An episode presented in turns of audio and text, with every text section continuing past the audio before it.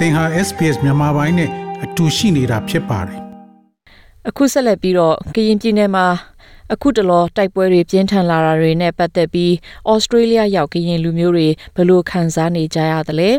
ဘာတွေလှုပ်ဆောင်ပေးကြဖို့ရှိတယ်လဲဆိုတာနဲ့ဆက်ဆက်ပြီး Australia Current Organization AKO ရဲ့တနိုင်ငံလုံးဆိုင်ရာဥက္ကဋ္ဌဦးစောလွင်ဦးနဲ့ဆက်သွယ်မေးမြန်းထားတာကိုနားဆင်ရမှာဖြစ်ပါတယ်ရှင်။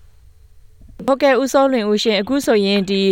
ကရင်ပြည်နယ်လေကေကောမှာတိုက်ပွဲတွေဖြစ်နေတယ်အဲ့ဒါပြီးရင်အဲ့ဒီမတိုင်ခင်လဲတခြားနေရာတွေမှာဖြစ်နေတာပေါ့နော်အဲ့ဒါတွေနဲ့ပတ်သက်ပြီးတော့ဩစတြေးလျနိုင်ငံမှာရောက်နေတဲ့ကရင်အဖွဲ့အစည်းတွေအနေနဲ့ဘယ်လိုခံစားရပြီးတော့ဘာတွေလုပ်ပေးဖို့ရှိပါသလဲရှင်ဒုက္ခသည်တွေအတွက်ဟုတ်ကဲ့အဲကျွန်တော်တို့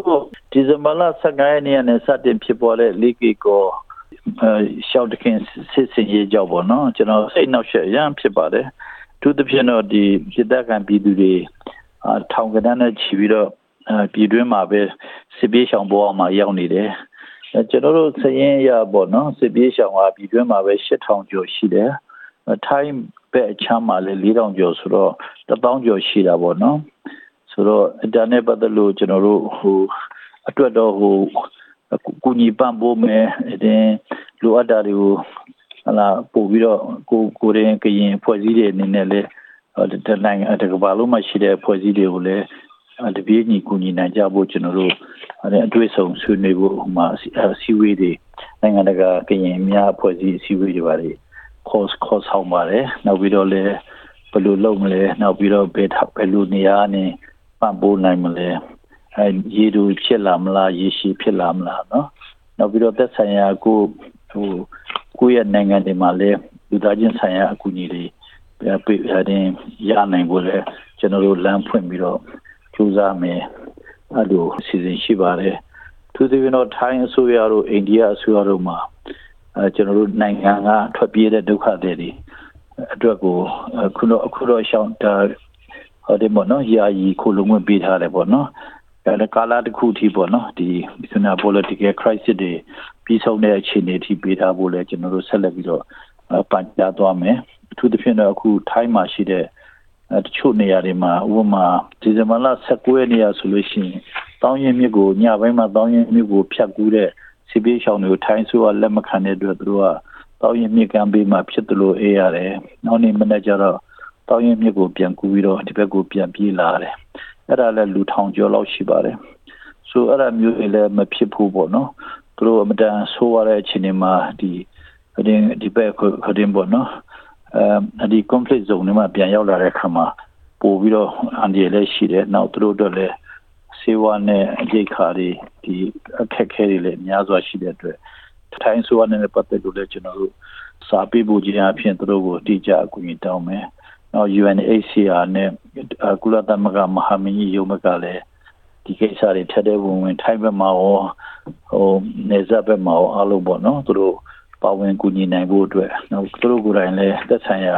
အဲ့ဒီအိန္ဒိယနိုင်ငံတွေကိုသူတို့ကိုယ်တိုင်ပန်ကြားထားတာလည်းကျွန်တော်တို့အားရစရာတွေ့ရပါတယ်အဲ့ဒီအဲ့ဒီတော့ KNU ကထုတ်ပြန်ကြေညာချက်ဒီစသည်အပြင်အဲ့ဒီဒီပုံမှန်လဲကျွန်တော်တို့ပါပြီးတော့ဟိုအတောင်တည်နေပါဝင်ကူညီသွားဖို့ထို့ထို့အတမတဲ့အပြင်ကိုကျွန်တော်တို့မဟာမိတ်ဖွဲ့စည်းတွေ ဩစတြေးလျမှာရောနိုင်ငံတကာမှာလည်းသူတို့ဒီကရင်ဒေသမှာလည်းမဟုတ်တပီလုံးမှာရှိတဲ့ဟာမှာသူတို့ကူညီကူညီနေတဲ့အစီအစဉ်တွေရှိနေတယ်လို့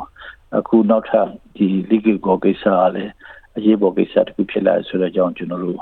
အစည်းအဝေးတွေမှာလည်းပြောဆိုဆွေးနွေးကြပါတယ်အဲ့တော့ဟိုဒီဘက်ဘက်ပေါင်းစုံတော့ဟိုဒီဘောနော်ဟို political ရော moral ရော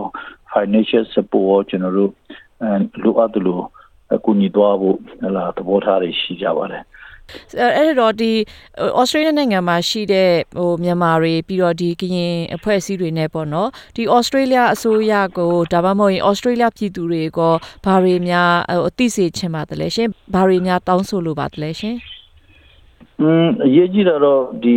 ခုနပြောလူသားချင်းစာနာမှုဆိုင်ရာအကူအညီတွေကိုဩစတြေးလျနိုင်ငံလည်းပေးနေကြအစဉ်လာရှိပါတယ် အဲဒီမှာပဲတစ်ခါတလေကျတော့ပေးတဲ့ပုံစံတွေမကိုက်ဘူးပေါ့ဥပမာဟိုအာဆီယံကအဟာစင်တာနဲ့တဆင်ပို့မယ်ဆိုအဲ့ဒါမျိုးလဲကျွန်တော်အဲ့လိုမျိုး5 million ပို့တဲ့ကိစ္စတော့ကျွန်တော်တို့တော်တော်လေးသူတို့ ਨੇ အငင်းပွားမှုဖြစ်ပါတယ်ပြီးတော့အာဟာစင်တာကသူကဟဟိုတင်းကစစ်ကောင်စီရဲ့လက်အောက်မှာရှိတဲ့အဲ့ဒီခုနအဲ့ဒီဟိုတင်းပေါ့နော်ဟို စစ်ကောင်စီရဲ့ထိန်းချုပ်မှုအောက်မှာပဲရှိနေတယ်ဆိုတော့ဒီအကူအညီတွေဟာစစ်ကောင်စီအောက်ကတဆင့်သွားတာဖြစ်တဲ့အတွက်တကယ်အရင် crisis area ကိုမရောက်ရောက်ဖို့မဖြစ်နိုင်ဘူးနောက်ပြီးတော့စစ်ကောင်စီကနေပြီးတော့ဒီပေါ်မှာနိုင်ငံရေးအကျိုးမြတ်ကိုဒီအရင်ခုနပြောသလိုအဲ့ဒီဝင်လာတဲ့ကုညီမှုဆိုင်ရာဒီငွေကြေးတွေပေါ်မှာတော့သူတို့ရင်ပို့ပြီးတော့အလွယ်သုံးစားလုပ်ဖို့များတယ်လေဒါကြောင့်မလို့ကျွန်တော်အဲ့ဒီကိုမပေးဖို့ရယ်အ ထူးသဖြင့်တော့ NGO တွေအထူးသဖြင့် reliable ဖြစ်တဲ့ NGO ဥမာ Red Cross တို့လို World Vision တို့လိုအဲအဲ့လိုအလိုမျိုး credibility ရှိတဲ့ NGO တွေအသုံးချပြီးပေးဖို့ရယ်နောက်တစ်ခုကကျွန်တော်တို့နိုင်ငံတကာမှာအထူးသဖြင့်ကျွန်တော်တို့ cross border ခေါ်တဲ့ဖြတ်ကျော်ရေးအကူအညီပေးဖို့ဆိုတာကျွန်တော်တို့အထူးဆွေးနွေးတယ်အဓိကတော့ကျွန်တော်တို့တိုင်းဒေသဒေသနဲ့ဆက်ဆက်နေတဲ့ဥမာမဲဆောက်မှာရှိတဲ့ Medo Clinic တို့လိုအဲ့ဒီမှာရှိတဲ့တိုင်းသားဆေးပညာ ဟလာစုပေါင်းအဖွဲ့တွေရှိတယ်အဲ့ဒီမှာလည်းရင်းစကုနာပြောလို့ကိုဗစ်နဲ့ပတ်သက်လို့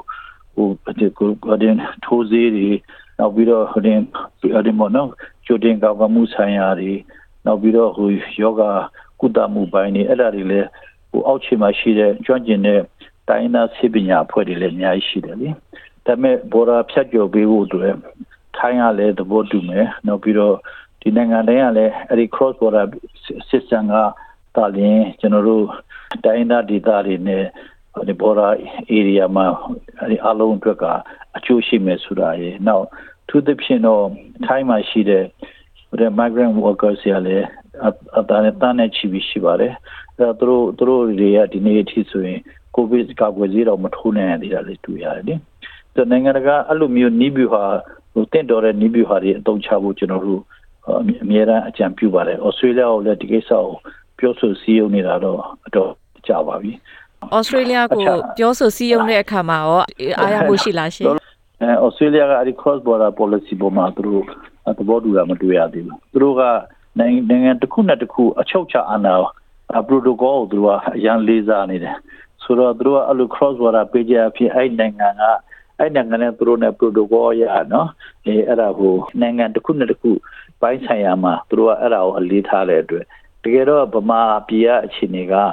နိုင်အစိုးရမဟုတ်တဲ့အကြမ်းဖက်သမားတွေကအုပ်ချုပ်နေတယ်ဆိုတော့သူတို့သိဖို့ကျွန်တော်တို့လည်းပို့ပြီးတော့စီယုံပါတယ်နောက်ပြီးတော့အထူးသဖြင့်တော့ကျွန်တော်စီယုံတဲ့နေရာမှာနိပြအနေနဲ့ဟို parliamentary friends ဆိုမြန်မာအဖွဲ့ကပို့ပြီးတော့အဲ့သူတို့ကကျွန်တော်ကျွန်တော်တို့ရဲ့ message ကိုပို့ပြီးတော့ထိရောက် parliament မှာပြန်ပြီးတော့ဆွေးနွေးတာတိုင်ပင်တာတွေ့ရတယ်။နောက် Australia ကိုလည်းသူတို့ Australia မလုပ်ချင်ဆုံးကတော့အဲ့ဒီ ဟိုတင်ပေါ့နော်အဲ့ဒီ sanction ကိစ္စပေါ့နော်စီးပွားရေးပိတ်ဆို့မှုတွေတနေ့ရောင်းဝယ်မှုပိတ်ဆို့မှုတွေအဲ့ဒါမလုပ်ချင်ဘူးမယ်အဲ့ဒါနဲ့ပတ်သက်လို့ကျွန်တော်အကြောင်းမျိုးမျိုးပြောပြီးတော့ဒေတာအတင်းပေါ့ဗမာပြည်ရပြည်တွင်းကဒီအဖွဲ့စည်းပေါင်း390 400နီးပါးပေါ့နော်သူတို့ကစုပေါင်းပြီးတော့ရေးတဲ့ opening letter တွေလေဒီ Australia foreign minister ဟိုနောက်ပြီးတော့အဲ Australia ဟို prime minister စီလည်းရေးရေးထားတာတွေ့ရပါတယ် အလုံးအခြေခံကြကြပြောရင်တော့အဲခုနပြောလို့ပြည်တွင်းကိုရောက်အောင် Australia ကတော့ပို့ဖို့ရဲ့နောက်တစ်ချက်က Australia ကစီးပွားရေးပိတ်ဆို့မှုတွေလက်နဲ့ရောင်းဝယ်ပိတ်ဆို့မှုတွေမလုပ်မချင်းပမာနိုင်ငံအခြေအနေတွေမပြောင်းလဲဘူးဆိုတာနားလည်ဖို့ကျွန်တော်ဆက်လက်ပြောဆိုနေတော့မှာပဲ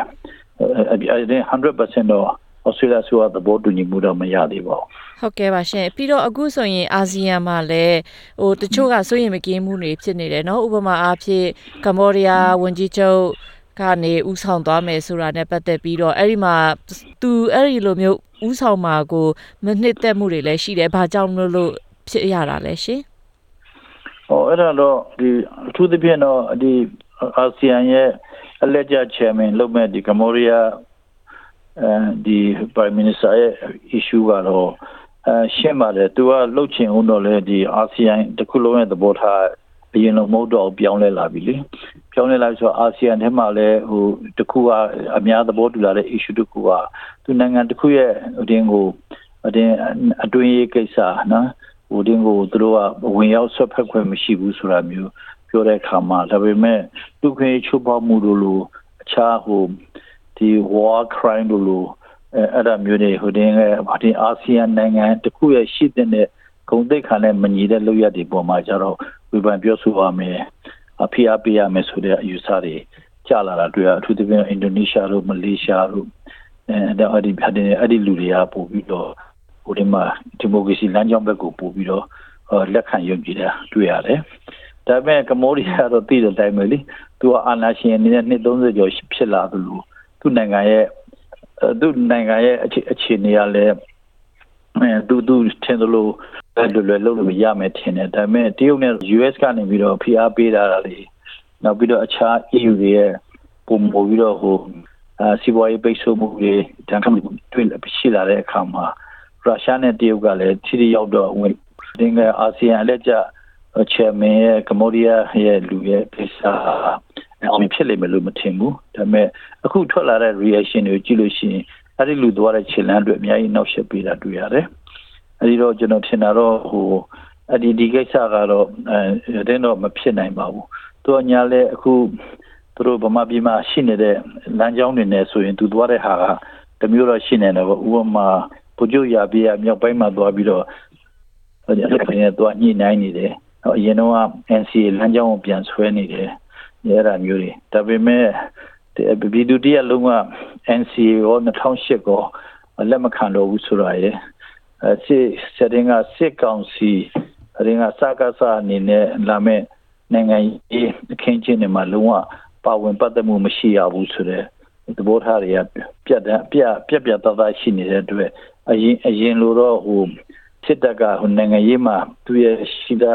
ခံကနာဦးသူ တွားလို့ရမယ်ဆိုတာနီးစနစ်မျိုးတော့မဖြစ်နိုင်ဘူးလို့အများသုံးသပ်တာတွေ့ရပါတယ်ဟုတ်ကဲ့ဦးစောလင်ဦးအခုလိုမျိုးစိတ်ရှည်လက်ရှည်ဖြစ်ကြပြတဲ့အတွက်ကျေးဇူးတင်ပါတယ်ရှင် SPS မြန်မာပိုင်းကို Facebook ပေါ်မှာ like ရှာပြီး like မျှဝေမှတ်ချက်ပေးပါ